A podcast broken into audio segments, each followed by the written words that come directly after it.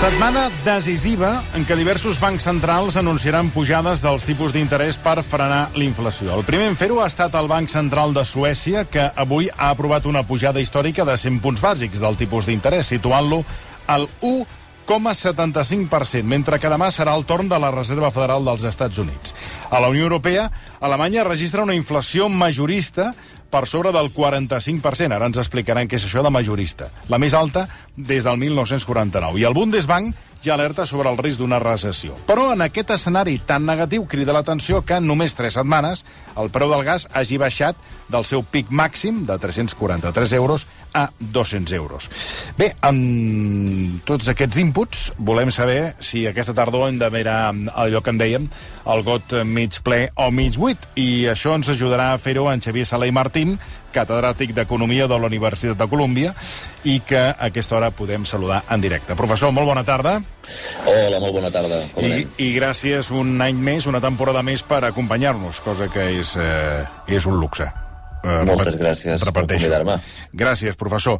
Uh, primer de tot, bueno, deixem preguntar-li perquè, clar, um, estem en un apocalipsi permanent i jo, la primera pregunta és que si- és això, no? Eh, eh, pinten tan malament les coses o, o pinten malament però no pinten tan malament?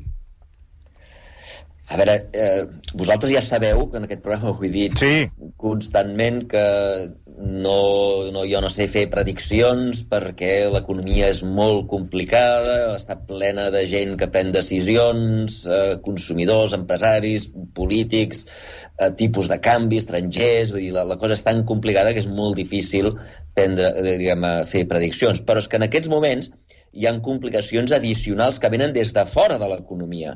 És a dir, eh, ara mateix molt del que està passant és per culpa d'una guerra que no sabem ben bé cap on anirà. Uh, això fa que el subministre de, de bàsicament energia, però també d'aliments i d'altres coses, doncs eh, estigui qüestionat i per tant no sabem de, el preu del gas del que parlaves fa un moment dependrà de si, si es talla o no es talla, de si els xinesos li poden comprar al Putin o no, eh, és a dir, dependrà de tot de tipus de, de coses que estan fora de, la, de les que els economistes estem capacitats per predir, dependrà de si els xinos, per exemple, segueixen confinant, que de moment sembla que segueixen confinant cada vegada que hi ha un brot de, de, brot de Covid, ja ens hem oblidat del Covid, però el Covid segueix circulant i la cadena de producció global segueix sent global i per tant quan a la Xina tanquen una regió de 40 milions de persones doncs la cadena de producció se'n ressent perquè eh, si aquella, aquella regió resulta que hi ha fàbriques que produeixen peces que necessiten a la fàbrica de Martorell doncs eh, Martorell ha de tancar Uh, i per tant, i, i també hi ha uh, ara en parlarem, no? que les, les, uh, el futur econòmic depèn en gran part del que decideixen els bancs centrals. Els bancs centrals reben pressions dels països, dels de diferents governs, sobretot el Banc Central Europeu, que hi ha, que, que hi ha molts països involucrats, i, i dependrà d'aquestes pressions polítiques que pugin més o que pugin menys. I per tant, insisteixo, si ja és difícil fer prediccions, eh, més, normalment ara encara ho és més. El que sí sabem és que fa uns mesos tothom deia no, no, és que ja hi ha una crisi, ja està aquí sota la crisi. El que passa és que no es veu perquè la gent té tantes ganes de gastar calés de, després de la pandèmia, eh? tenim tantes ganes de sortir de festa, d'anar de vacances, que durant l'estiu això no es notarà. Però a la que l'acabi l'estiu mm. vindrà l'hecatombe. Mm, això, exacte. recordeu que Sí, sí, sí. això es deia Sí, sí, doncs, tant. el, el mes de maig, no? Doncs bé, de moment l'hecatombe no ha vingut, eh? tot i que falten un parell de setmanes per veure eh, les dades de setembre, no sembla que hi hagi hagut cap eh, hecatombe, eh, però diguem, això forma part del- de- d'aquesta incapacitat que tenim els economistes i els analistes de, de fer prediccions, sobretot en moments de tanta incertesa com l'actual. Uh, ja sé que no té una bola, una bola de vidre, com sempre ens ha dit, però uh, volíem, volíem aprofundir, per exemple, amb algunes dades. No? Goldman Sachs Sí. ha publicat un informe en què pronostica un possible descens del preu del gas fins a la meitat del nivell actual, és a dir, a 100 euros. Després, el que deia vostè, uh, depèn del que passi el desenvolupament d'aquesta guerra, doncs eh, també en fi, eh, ens podem trobar amb, amb, amb situacions diferents. Però el que és ara una realitat és que, eh, això sí que, i això, això sí que li, li vull preguntar, és que els diferents bancs eh, centrals en, estan incrementant els tipus d'interès. El que deia, avui ho ha fet Suècia, demà serà el torn de la Reserva Federal dels Estats Units, es parla d'un increment de 75 punts bàsics, tot i que alguns analistes creuen que podrien pujar 100 punts bàsics com ha fet Suècia. Uh, la, la qüestió és, siguin 75, siguin 100, els efectes d'aquest increment de les, dels, dels, dels bancs centrals a l'economia, com, com, ens, com ens afectaran a nosaltres, en el dia a dia? A veure, l'objectiu tornem, fem un pas enrere, eh? Sí. preguntem per què els bancs centrals ara mateix estan intentant pujar tipus d'interès. Alguns ho fan de manera radical, com els americans o els suecs, alguns estan de fet, diguem, estan una mica de cagadubtes, no? com, el, com els, els europeus, no? la, la senyora Lagarde, uh, però tots es tenen la intenció. Per què? Doncs bé, recordeu, estem parlant de preus. Eh? Els preus estan pujant i eh, per fer que els preus baixin o que deixin de pujar tant, s'han de fer dues coses o només es poden fer dues coses, eh? Recordeu la, el, quan, aneu, quan aneu al jardí d'infància i us explicaven economia, eh? Uh, si l'oferta puja, baixen els preus. Si la demanda baixa, baixen els preus, eh? Si hi ha molta gent que vol comprar peix, uh, doncs el preu del peix puja. Si hi ha poc peix perquè hi ha hagut, no, no, no, no hi ha hagut un, un bon dia de pesca, doncs com que n'hi ha poc, els preus pugen, eh? L'oferta i la demanda. Doncs bé, els bancs centrals d'alguna manera poden controlar, no directament, però indirectament poden controlar la demanda de l'economia. Per què? Uh, bé, els bancs centrals, recordeu, són els bancs dels bancs. Mm -hmm. eh? És a dir, els bancs, encara que sembli mentida, doncs també tenen bancs i també necessiten dipositar els seus calés i els dipositen en el banc central i també a vegades necessiten demanar crèdits i li demanen al banc central. Doncs bé, el banc central en, en aquestes operacions que fan els bancs normals els hi posen un tipus d'interès. Eh? Quan el Banc de Sabadell diposita calés en el Banc Central Europeu, eh, rep un interès.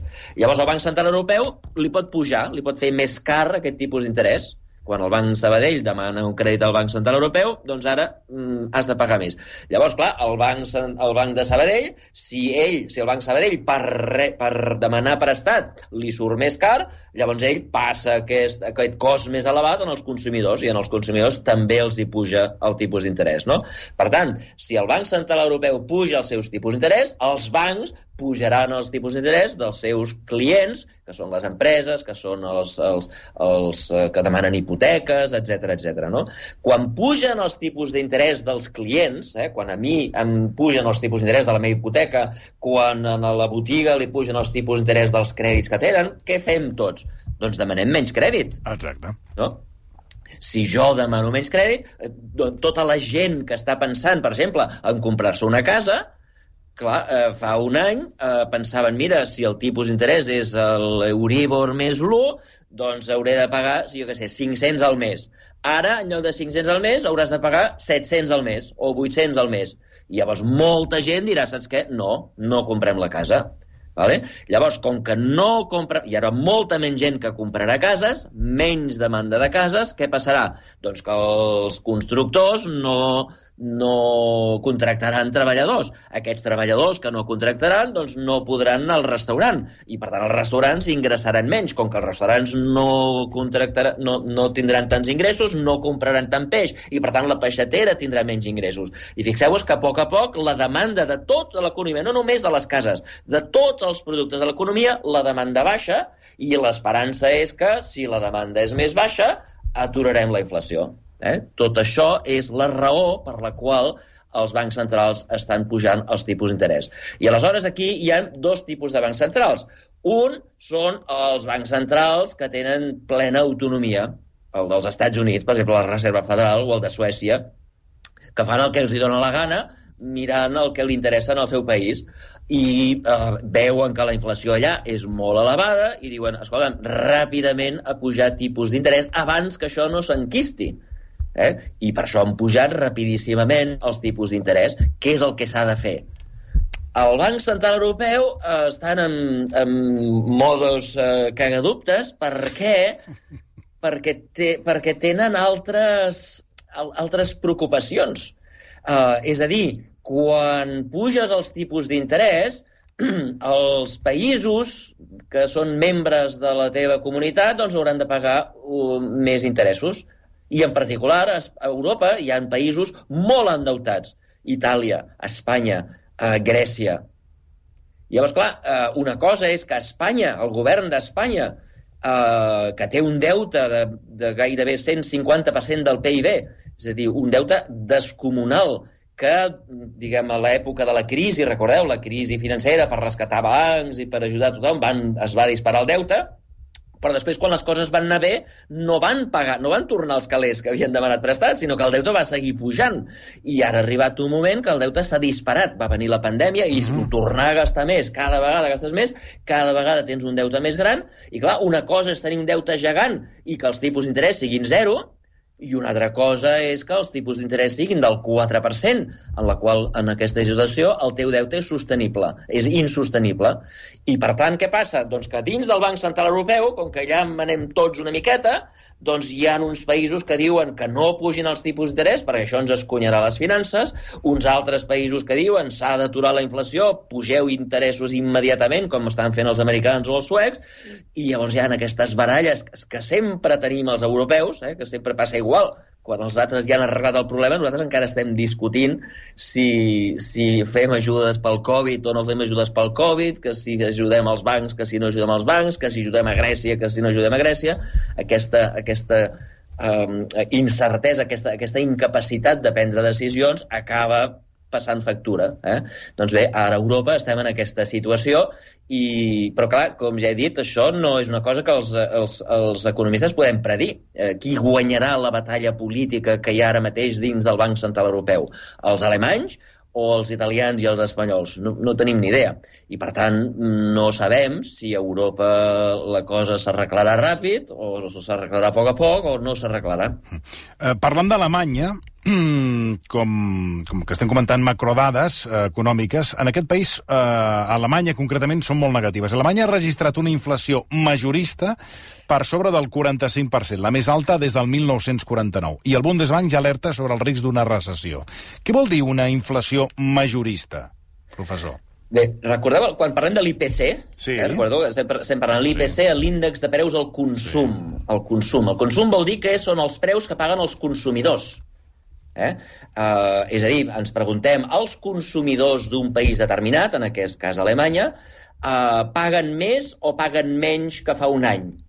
Uh, la, per respondre a aquesta pregunta, doncs fem una cistella del que paga, del que compren els consumidors alemanys, no? Hi ha una mica de pèsols, una mica de tomàquets, una mica de, de, de roba, eh? una mica de begudes, etc. Aquesta cistella, i mirem quan valia fa un any, quan val ara i eh, si puja un 10%, diem que hi ha una inflació el, pels consumidors del 10%. Eh? I això és el IPC, la C de consumidors.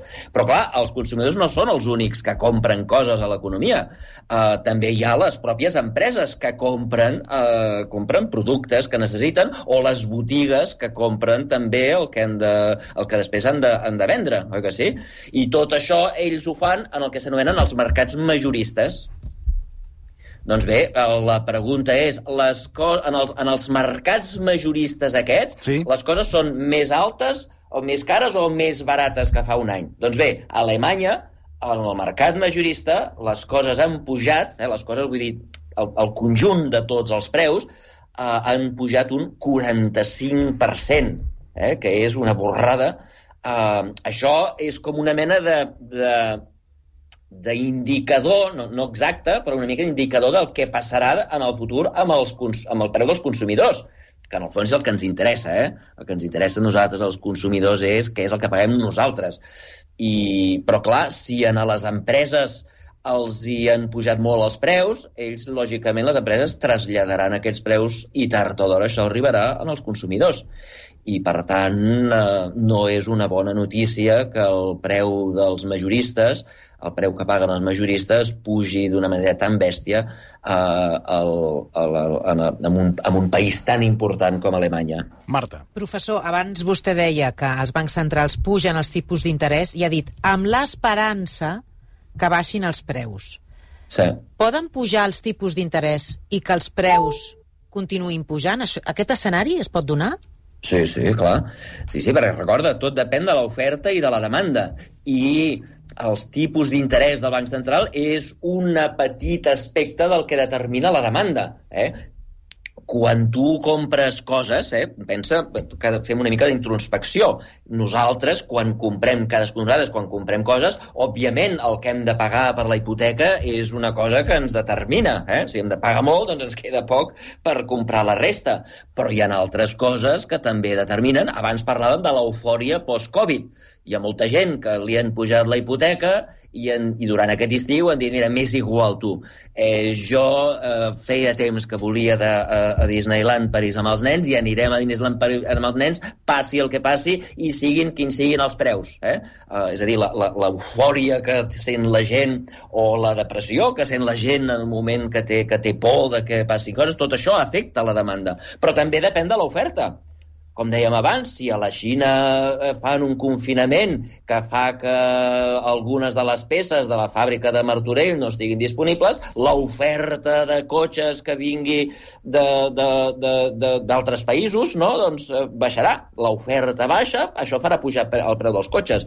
És a dir, que eh, eh, el Banc Central controla una part important de l'economia a través dels tipus d'interès i a través del mecanisme que deia abans, però òbviament no ho controla tot. I podria ser, com dius tu, que el Banc Central pugés tipus d'interès, però que la restricció d'oferta fos tan gran que els tipus d'interès seguissin pujant. O que el Putin talli el gas a tot el món, o que se li, que se li trenqui el gas per culpa de la guerra, o jo què sé, i que l'oferta de gas sigui tan petita que el preu del gas es dispari i faci pujar els preus igualment, encara que haguem pujat els tipus d'interès. Per tant, no, no és una cosa matemàtica, puges els tipus, automàticament baixa la inflació.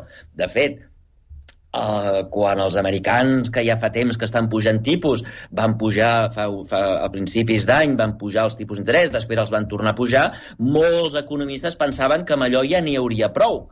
I, però resulta que les últimes dades que hem tingut del mes d'agost han sigut horribles i això ha fet pensar a tothom que, escolta'm, que no n'hi havia prou i que hem de, hem de seguir pujant encara més, encara més, encara més, i, i això és el que fa que molta gent sigui pessimista, perquè, clar, quan més pugin els tipus d'interès, eh, més empreses, diguem, hauran de tancar perquè els hi costa sobreviure eh, amb un crèdit tan car o amb, o amb, amb, amb aquesta situació que, de, de possible crisi. Mm, resposta, no, no és matemàtic.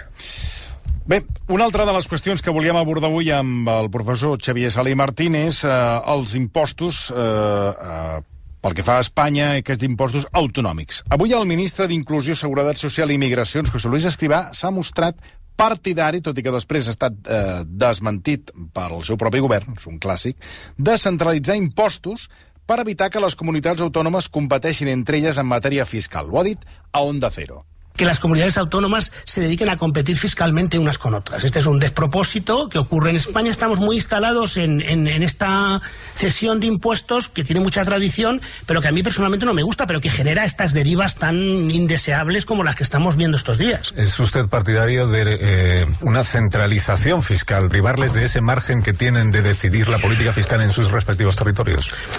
Sí, Bé, professor, eh, el govern de la Comunitat de Madrid i ara el govern d'Andalusia estan suprimint eh, alguns tipus d'impostos, com, com per exemple aquest de patrimoni, i eh, d'altres comunitats, com per exemple la catalana, no ho fa. Aleshores, el que ha fet avui el president de la Comunitat Andalusa és convidar, eh, ves per on, els eh, famílies i els empresaris catalans a que vagin, a que marxin cap a Madrid, i aquí genera aquesta competència entre, entre comunitats que la primera que la va abanderar va ser Isabel Díaz Ayuso. Eh, això podríem dir que és comp competència eh, legal, competència deslleial, eh, no sé quina anàlisi en fa vostè, i després la segona qüestió. Si la, totes les comunitats eh, van traient impostos, qui pagarà, ara vostè parlava del deute, com es pagarà aquest deute que dia a dia es va incrementant a Espanya? A veure, a, a mi em sembla que el qui és deslleial és el govern d'Espanya és el govern central, és aquest senyor que no sé, no sé era l'escrivà, el sí, que posa sí, la veu. Sí. El ministre d'Inclusió, Seguretat Social i Migracions, José Luis Escrivà. A veure, el deslleial és ell. I el deslleial és el govern que no se n'adona de la trampa que fan els governs quan hi ha inflació. Eh? Uh, de, deixa'm que ho expliqui. Sí. Uh, deixa que ho expliqui. Uh, imagina't que uh, hi ha una inflació del 10%. Eh? Al començar, abans de començar jo, eh, heu posat una notícia de que hi haurà una vaga de, del transport Sí. eh, perquè els treballadors no volen perdre poder adquisitiu. Exacte. Eh, ho heu dit sí, sí, la, la vaga del trans, de transports municipals de Barcelona. Exacte. Ah, Òbviament, tots els treballadors del món no volen perdre poder adquisitiu. Si pugen els preus un 10% i els salaris només pugen un 2%, eh, resulta que pots comprar 8% de menys productes que l'any passat. És a dir, t'han baixat el salari de manera efectiva, és a dir, el poder adquisitiu t'ha baixat. Ets més pobre, oi que sí? Uh -huh. I tant. Um, i, però imaginem que pugen tots els salaris un 10%. Imaginem que pugen els salaris un 10%. Uh, com que els preus han pujat un 10% i els salaris han pujat un 10%, oi que ningú seria més ric? Ni, ningú és no. més ric. O sigui, No, els no, no. treballadors tindrien el mateix poder Ah, adquisitiu. Sí, anava a dir, Tens, sí, sí, anava, anava a deu- dir això. tens 10% més de diners, però com que totes les coses valen 10% més de diners, doncs la, la quantitat de patates que tu pots comprar al final de, de mes és exactament la mateixa. Ni ets més ric ni ets més pobre. Correcte. Que sí? Exactament. Doncs però, però què passa? Que si tu et pugen els salaris un 10%, recordeu que l'IRPF, els impostos que ens posa el govern, són progressius. És a dir, que tu, si tu cobres una mica més, el percentatge de diners que tu pagaràs serà més alt. Uh -huh. Estem d'acord? Sí. I per tant, i per tant, el govern recapta més encara que la gent no sigui més, més rica. Ja hem quedat que si tot puja un 10%, ningú és més ric. Tothom té el mateix poder que es diu. En canvi, el govern et fot més calés. Ho veus o no? Sí, sí. Sí. Uh, doncs bé, una de les coses que fa el govern d'Andalusia és ser honest i dir, senyors, jo ja entenc que vosaltres no sou més rics, jo entenc que sou, que sou exactament igual de rics que l'any passat perquè uh, no heu guanyat poder adquisitiu, de fet, segurament el perdreu, eh? segurament el perdreu, però encara que perdeu poder adquisitiu, com que els salaris en termes d'euros, els salaris nominals han pujat una miqueta, tots acabareu pagant més. I llavors ells el que diuen, el que fan, una de les coses que han fet és el que es diu deflactar la quota autonòmica de l'IRPF. És a dir, eh, jo ja entenc que vosaltres no sou més rics i com que no sou més rics no teniu per què pagar més. I com que no teniu que per què pagar més, tranquils que jo us baixo la quota perquè seguiu pagant el mateix, perquè la, la quantitat de, de calés que jo us acabo robant sigui més o menys la mateixa. Val? A, a mi això em sembla un signe d'honestedat. El que em sembla deshonest és que el govern amagui s'amagui darrere de la inflació per recaptar cada vegada més. És a dir, els govern, el govern concret d'Espanya està criticant tot el dia a les empreses que guanyen més calés, calés per culpa de la inflació, les elèctriques, no? que tots aquests guanyen molts calés. A veure, l'empresa que més guanya que més guanya per culpa de la inflació és el propi govern que els, els impostos se li van pujant, pujant, pujant, pujant, encara que la gent és cada vegada més pobra, però ells cobren cada vegada més. I a mi el que em sembla deshonest és amagar-se darrere d'aquesta il·lusió fiscal per empobrir a la gent.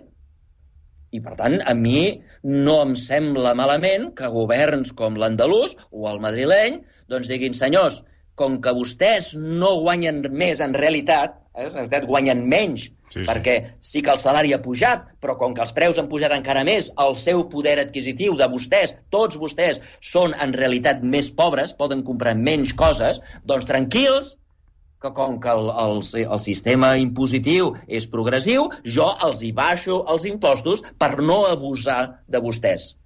Clar, a aquests senyors no els agrada que, que, eh, que hi hagi competència, que diuen competència entre administracions, perquè, clar, si totes comencen a fer el mateix, quedaran ells amb el cul a l'aire i tothom veurà que en realitat són ells els que estan robant en els ciutadans d'una manera descarada.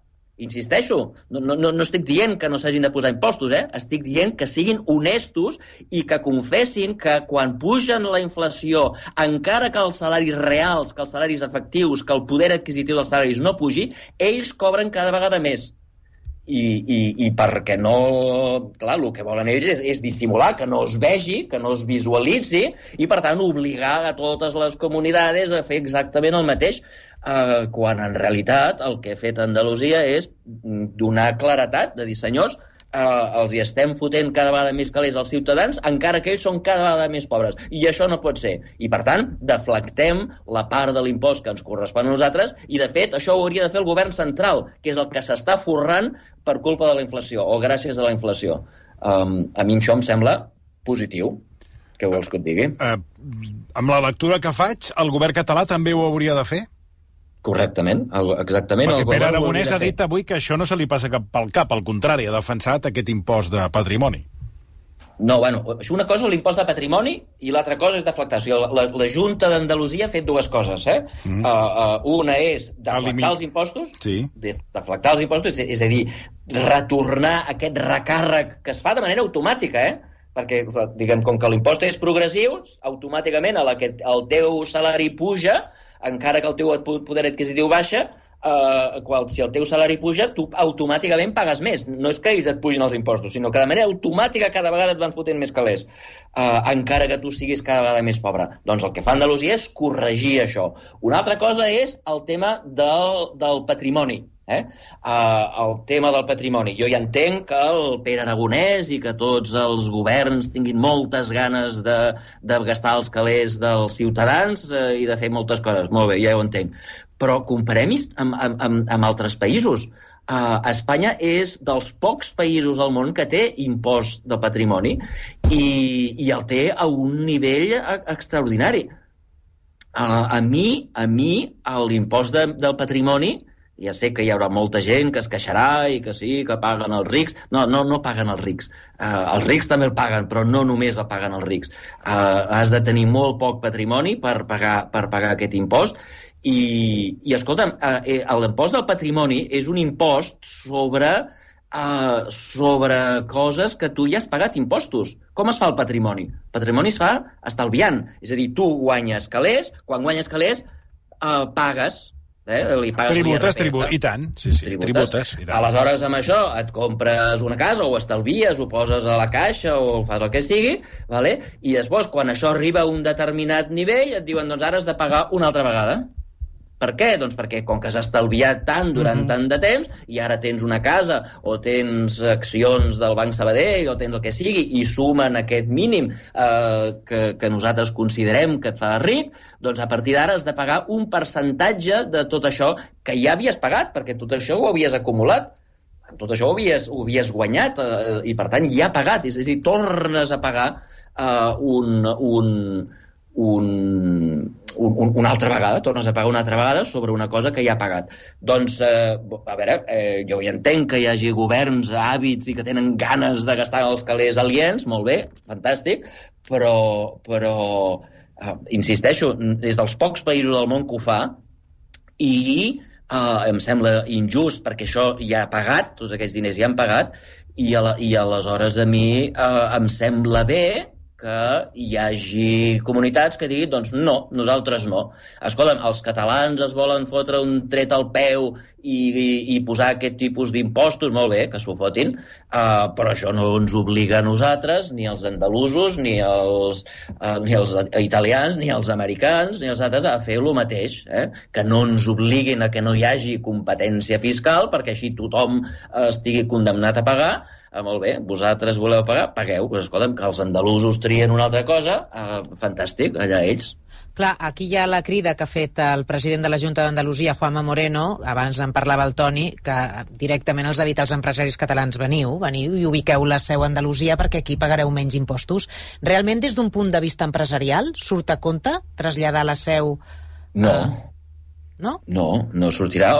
Els impostos és una cosa que les empreses, òbviament, miren, òbviament miren, uh, però no només entre comunitats. O sigui, quan hi ha una multinacional que, que està decidint a on va miren, miren si hi ha un aeroport que puguis volar directe des de, des de, des de la teva seu central fins a aquesta sucursal que posaràs, miren els impostos, miren les regulacions, miren el clima, miren el crim, miren si la ciutat està bruta, miren moltes coses. Uh, això, això és una cosa que mesurem. Eh? Jo, jo una de les coses que he fet uh, en els darrers anys és, uh, és una cosa que es diu l'índex de competitivitat, que, que el faig pel Fòrum Econòmic Mundial de Davos, que avalua lo competitius que són diferents països en aquests tipus d'aspectes. La regulació, el, el, el, el, crim, no? les institucions, etc etc etc. no? la corrupció... Eh, doncs bé, tot això ho miren les empreses, ho miren, i els impostos que hauran de pagar els seus eh, treballadors també, també ho miren. Eh, no és l'únic aspecte, però és un aspecte a mirar, i jo crec que no hi haurà cap empresa o molt poques empreses catalanes que vagin allà per temes d'impostos, eh, per, pel tema aquest de, de l'impost del patrimoni, però, eh, diguem, és, eh, assenyala, no? posa, posa la diana i diu, mira, eh, els catalans paguen no perquè els hi posin des de Madrid, eh, sinó que s'ho posen ells mateixos. Els catalans paguen molts més impostos que, que els altres i, escolta'm, que cadascú faci el que vulgui amb aquesta informació. I, i, I no sé si els catalans tenim millors serveis, eh?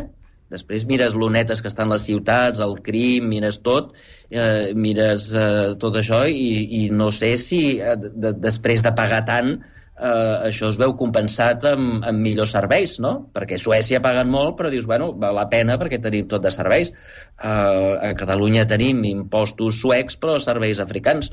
Eh, I alguna cosa passa aquí.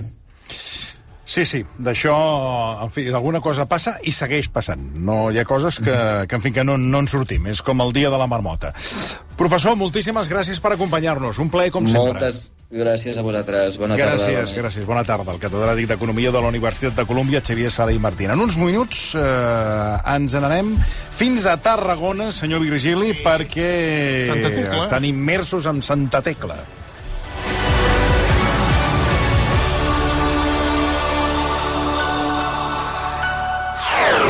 Versió RAC 1